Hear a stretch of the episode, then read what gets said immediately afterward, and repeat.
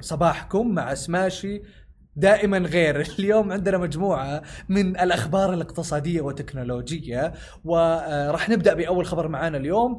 تحديدا عن صندوق الاستثمارات السعودي تقدم صندوق الاستثمارات العامة بطلب الحصول على ترخيص مستثمر مؤسسي أجنبي مؤهل في الصين وهو ما يجعله على وشك البدء في القيام باستثمارات كبيرة في الشركات الصينية بعد أن حصر معظم ممتلكاته الخارجية حتى الآن في الولايات المتحدة وأوروبا. قالت وكالة بلومبرغ أن الصندوق البالغ قيمته 450 مليار دولار تقدم بطلب للحصول على ترخيص مستثمر مؤسسي أجنبي مؤهل في الصين. بمعنى أنه اليوم المملكة العربية السعودية راح تتداول بالأسهم المقومة باليوان بشكل مباشر بدلا من الاضطرار إلى المرور عبر أطراف ثالثة. تعد الصين أكبر شريك تجاري للمملكة العربية السعودية كما أنها أكبر عميل لشركة أرامكو السعودية التي يرأس مجلس إدارتها محافظ صندوق الاستثمارات العامة ياسر الرميان. آه، خطوة جميلة جدا، خطوة رائعة جدا، راح تعمل نقلة في صندوق الاستثمارات الضخم جدا.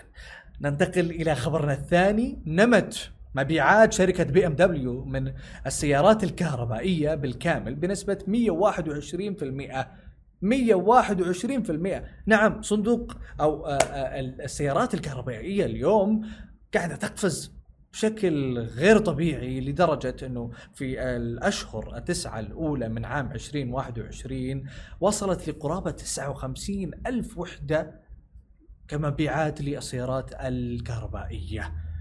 ف يعني شيء مو طبيعي.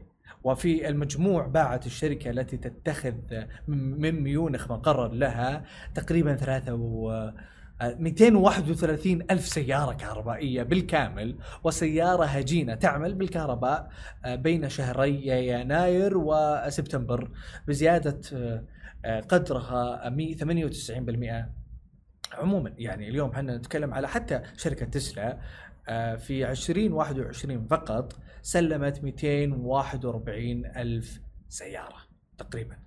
فأرقام ضخمة أرقام ضخمة. اليوم آه، صندوق أنا مركز على صندوق.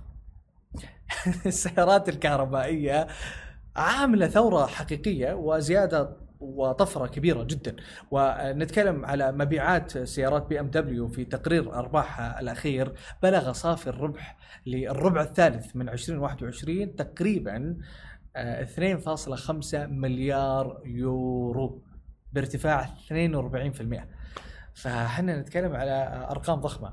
آه، ننتقل إلى خبرنا الثالث والأخير. بدأت منصة زوم اختبار عرض إعلانات على موقعها للمستخدمين من أصحاب الحسابات المجانية للاستفادة في تحقيق الدخل كبديل عن دفع الاشتراكات. حسابك مجاني حيطلع لك إعلان في زوم بدأت تختبر زوم آه هذه الميزة. راح تظهر طبعا مع نهاية المكالمات على المتصفح أو التطبيق فقط ولتجنب أي إزعاج المستخدمين حيث تهدف زوم تحقيق الدخل من خلالها بدلا من إجبار المستخدمين على دفع اشتراكات للاستفادة من الخدمة. اليوم أنت تدفع ولا بتجيك إعلانات أو ادفع. يعني آه، اليوم شركة زوم من الشركات الرائدة اللي فعلا قفزت قفزه ضخمة مع آه، آه، أزمة كورونا لأنه الناس كلها صارت تستخدم الفيديو كول.